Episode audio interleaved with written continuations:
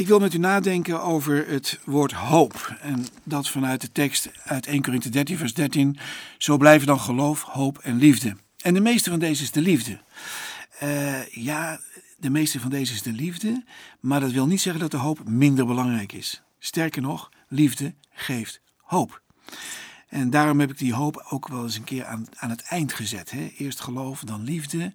En daar waar de liefde tekort schiet, dan zien we toch de hoop dat het ooit goed zal komen, dat het ooit goed zal zijn. Dus met andere woorden, het is een opgaande lijn: geloof, liefde, hoop.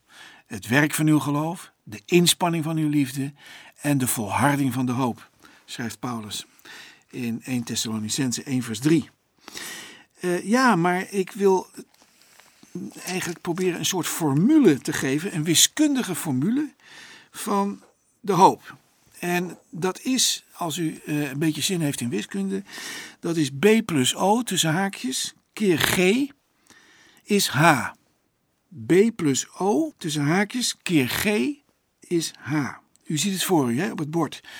De leraar schrijft het met een krijtje op het bord, tegenwoordig op een uh, digitaal bord. En daar staat het dan B plus O tussen haakjes keer G is H. Wat betekent dat? Ja, dat is een geheim, maar het is een heel krachtig geheim. Dat is namelijk dit. Tussen haakjes staat een B en die B staat voor belofte. Belofte. En dan staat er meteen bij plus O. Dat is plus opdracht. In iedere belofte zit een opdracht. Als je iets beloofd krijgt, zet het je aan om iets te doen. Die twee tussen haakjes gaan we vermenigvuldigen met een G. En dat is de G van gehoorzaamheid. Je moet het ook echt uitvoeren. Kijk, en dat geeft hoop. Dat is de H. Dus B plus O, belofte plus opdracht. En die uit te voeren, dus keer gehoorzaamheid, is H, is hoop. Dat is nou de formule. B plus O keer G is H. Dat is eigenlijk, ja, dat is een beetje een grapje natuurlijk. Maar ik vind het wel leuk om dat zo eens een keer neer te zetten. Want dan komen we bij het verhaal van Abraham. En Abraham is de vader van het geloof. Maar je zou hem ook net zo goed kunnen noemen de vader van de hoop. En ik ga je lezen uit de roeping van Abraham in Genesis 12. Daar staat: De Heere nu zei tegen Abraham. Genesis 12, vers 1. Gaat u uit uw land uit uw familiekring en uit het huis van uw vader naar het land dat ik u wijzen zal. Ik zal u tot een groot volk maken, u zegenen en uw naam groot maken, en u zult tot zegen zijn. Ik zal zegenen wie u zegenen, en wie u vervloekt, zal ik vervloeken. En in u zullen alle geslachten van de aardbodem gezegend worden. Toen ging Abraham op weg, zoals de Heere tot hem gesproken had, en Lot ging met hem mee. Abraham was 75 jaar oud toen hij uit Haran vertrok. Nou, nu komt de formule. De belofte is dit: Ik zal u tot een groot volk maken, u zegenen en uw naam groot maken, en u zult tot zegen zijn. Dat is de belofte, de B. En dan komt de O. Ik zei B plus O, je mag ook O plus B zeggen, dat maakt niet uit. Het is dezelfde, dezelfde optelling. Namelijk dit, dan krijg je de opdracht. De Heere zei tegen Abraham, ga. Ga uit uw land, uit uw familiekring, uit uw huis van uw vader naar het land dat ik u wijzen zal. Dat is de opdracht. En het is bijzonder om te zien dat God een belofte en een opdracht koppelt. De belofte aan een zegen en een zegen te zijn voor anderen is gekoppeld aan de opdracht gaan. En ik denk dat dat een patroon is in de Bijbel wat we iedere keer tegenkomen. Er is een belofte met een opdracht. Er is niet een belofte zonder opdracht. Dat zouden we wel graag willen, dat we er niks voor hoeven te doen. Maar er is een belofte met een opdracht. En als je die twee tussen haakjes zet en je doe je dan keer G, gehoorzaamheid, dat is vers 4. Toen ging Abraham op weg. Hij deed het. Op grond van de belofte en op grond van die opdracht ging hij op weg, zoals de Heere tot hem gesproken had. En Lot ging met hem mee. Abraham was 75 jaar oud. Dat is de G van gehoorzaamheid. Als er iets is wat mij heeft uh, doen groeien, wat mij heeft gevormd in mijn leven, is B plus O keer G. Is belofte en opdracht keer gehoorzaamheid. Er is niet zoiets als een belofte van hele fijne gevoelens en een halleluja-stemming zonder opdracht. En er is ook niet zoiets als halleluja-stemming zonder gehoorzaamheid. Gehoorzaamheid is de voorwaarde dat de belofte en de opdracht echt ook gaat werken. En dan komt het is gelijktekentje, dat is H, dat is hoop. Hoop is dus, laat het goed formuleren, hoop is op grond van een belofte en een opdracht. En die gehoorzaam uit te voeren. Toekomst te krijgen en de toekomst als het ware in te nemen als een nieuw land. Als een land wat God jou zal wijzen. Ga op weg naar het land wat ik u wijs. Nou, dat vind ik eh, eigenlijk een soort basisformule in het leven van Abraham, dat je, die je ziet werken. En die zie je werken op allerlei manieren. Soms zakt hij voor een examen en dan weer slaagt hij voor een examen.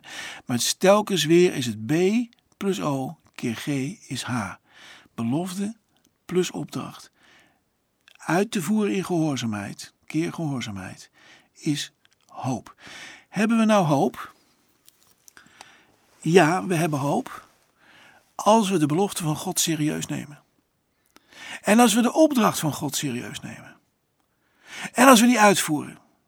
Ligt het dan aan mij? Nee, want God wil niet anders dan ik dat doe en dat willen doet hij in mij. Het is niet een zware last die ik moet dragen. Het is een belofte die ik krijg. En die opdracht is eigenlijk een prachtige opdracht, een schitterend project waar ik in mag wandelen in de wegen die God van tevoren bereid heeft. Met andere woorden, het is een en al zonlicht. Het is een en al geschenk. En als ik het uitvoer in gehoorzaamheid, is dat eigenlijk alleen maar een gehoorzaamheid die voortkomt uit dankbaarheid, omdat ik het heel graag wil dat dit visioen werkelijkheid wordt. Gerechtigheid, vrede, barmhartigheid. De oorlog voorbij, de leugen voorbij, de duisternis overwonnen. Wat wil je eigenlijk nog meer? Ziekte bestrijden, gebondenheid en bezetenheid bestrijden. Al die dingen waar we zo onder gebukt gaan. Dat is B plus O keer G is H. Dat is de, de basisformule. Dat ik gehoorzaam zal zijn en leef in de belofte en de opdracht die God mij gegeven heeft. En dat is hoop. En dat begint bij Abraham, de vader van de hoop. Eh, die de belofte van God serieus neemt, maar ook de opdracht van God en die gehoorzaamt. En dat geeft hoop. Gehoorzaamheid geeft hoop. Um, ja, maar uh, die belofte wordt ook vaak herhaald nog. Dat is nodig. God herhaalt enkele malen aan Abraham de belofte. Uh, en dat niet in een, in een, op een manier van later ooit, maar op een manier van spoedig en hier en nu. En dan gaat het om het krijgen van een kind. Uh, ja, hoe concreet kan het zijn? Het krijgen van een kind is natuurlijk ja, in onze tijd een beetje, een beetje, beetje, beetje anders. Maar in die tijd, en eigenlijk ten diepste in ieder mens, is het krijgen van een kind, is het, is het voortbestaan van, van jou. Van een heel klein stukje eeuwigheid op aarde. Het is eigenlijk hoop. Een kind krijgen is hoop krijgen. En zo concreet is ook het denken van de Bijbel. Natuurlijk is er iets van een hoop over de horizon, achter de horizon. Daar waar wij nog niet zijn en waar God is en waar wij altijd bij Hem zullen zijn. Maar de Bijbel spreekt niet zoveel erover. Eigenlijk is dat vrij schaars, maar de Bijbel spreekt veel meer over de concrete hoop hier en nu. En het ligt in het krijgen van een zoon. Voor Abraham en voor Sarah. En eh, dat is zo ongelooflijk belangrijk voor, voor zijn naam, voor zijn toekomst, voor zijn voortbestaan. En dat is zo besloten in de zegen die God wil geven, namelijk dat hij tot een groot volk zal zijn. Ik zou bijna zeggen, God kan er ook niet omheen. En Abraham zou God aan zijn belofte kunnen herinneren.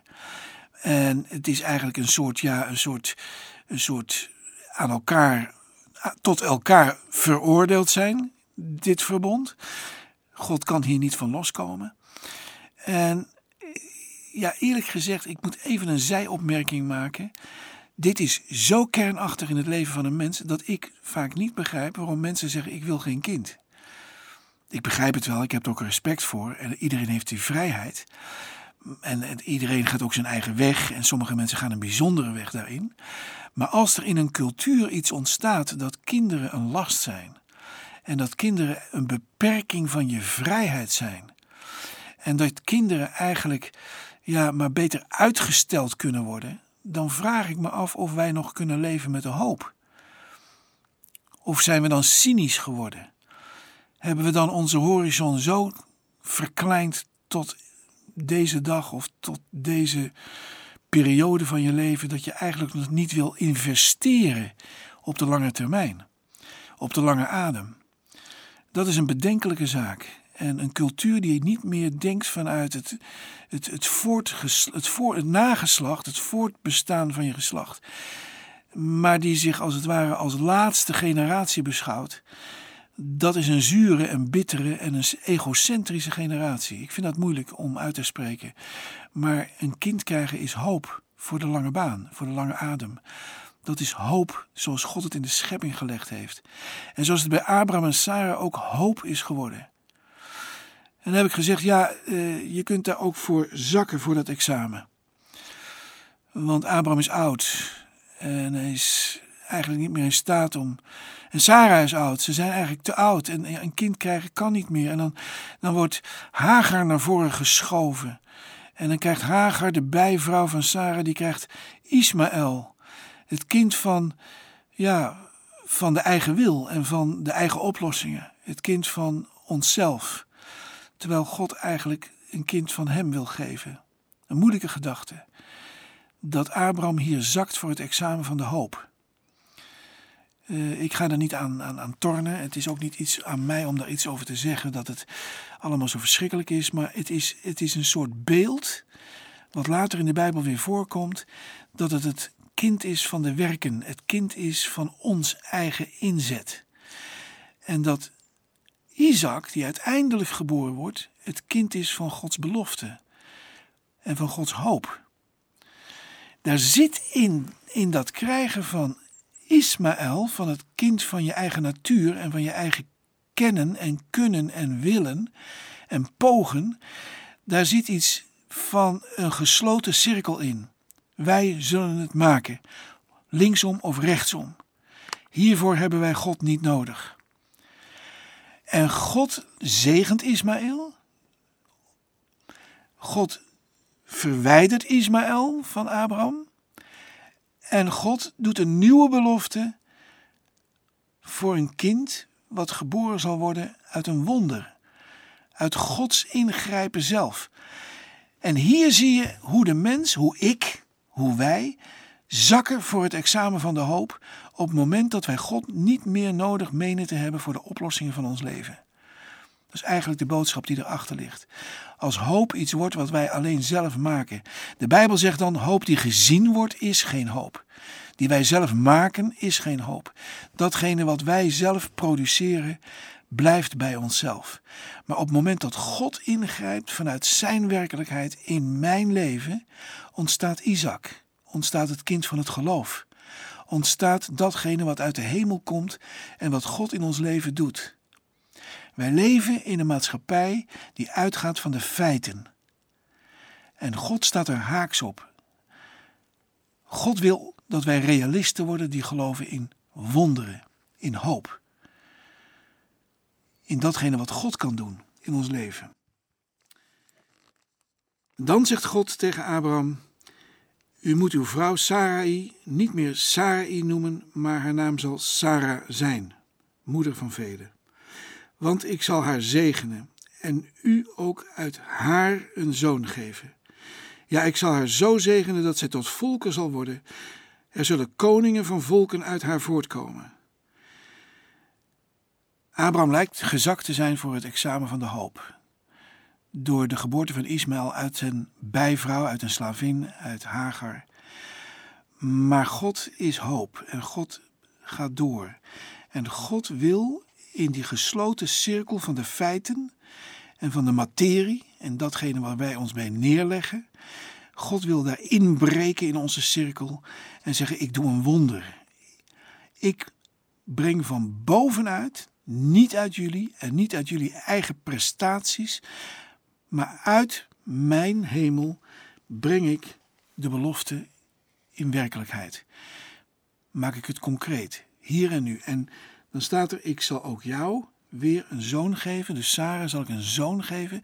Dit is ongehoord. Deze twee oude mensen die op hun bankje voor hun boerderij zitten, zeg maar. En daar uh, ja, eigenlijk terugkijken op vruchteloosheid. En dat God zegt, ik geef jullie een kind. Deze twee oude mensen krijgen van bovenuit hoop. En niet vanuit hun gesloten cirkel. Ik zeg het tegen mezelf, ik zeg het tegen u. In onze gesloten cirkel kunnen wij wel iets fabriceren, maar het is niet echte hoop. Als God onze cirkel openbreekt en Hij de feiten doorbreekt met Zijn heerlijkheid, met Zijn wonder, dan ontstaat er een hoop die ver uitgaat boven al onze prestaties en onze pogingen. En dan wordt er een kind geboren, die heet Isaac. En dat kind zal uiteindelijk doorgroeien tot koningen, tot, tot heersers, tot volken, tot een ongelofelijke rijkdom aan zegen. En ieder die dat kind en die, die volken die uit dat kind voortkomen zegent, zal gezegend worden. En uit dat volk komt uiteindelijk Jezus, de zoon des mensen, de zoon van God. Jezus die een zegen zal zijn voor alle volken, voor de hele aarde, voor de hele geschiedenis en voor de toekomst.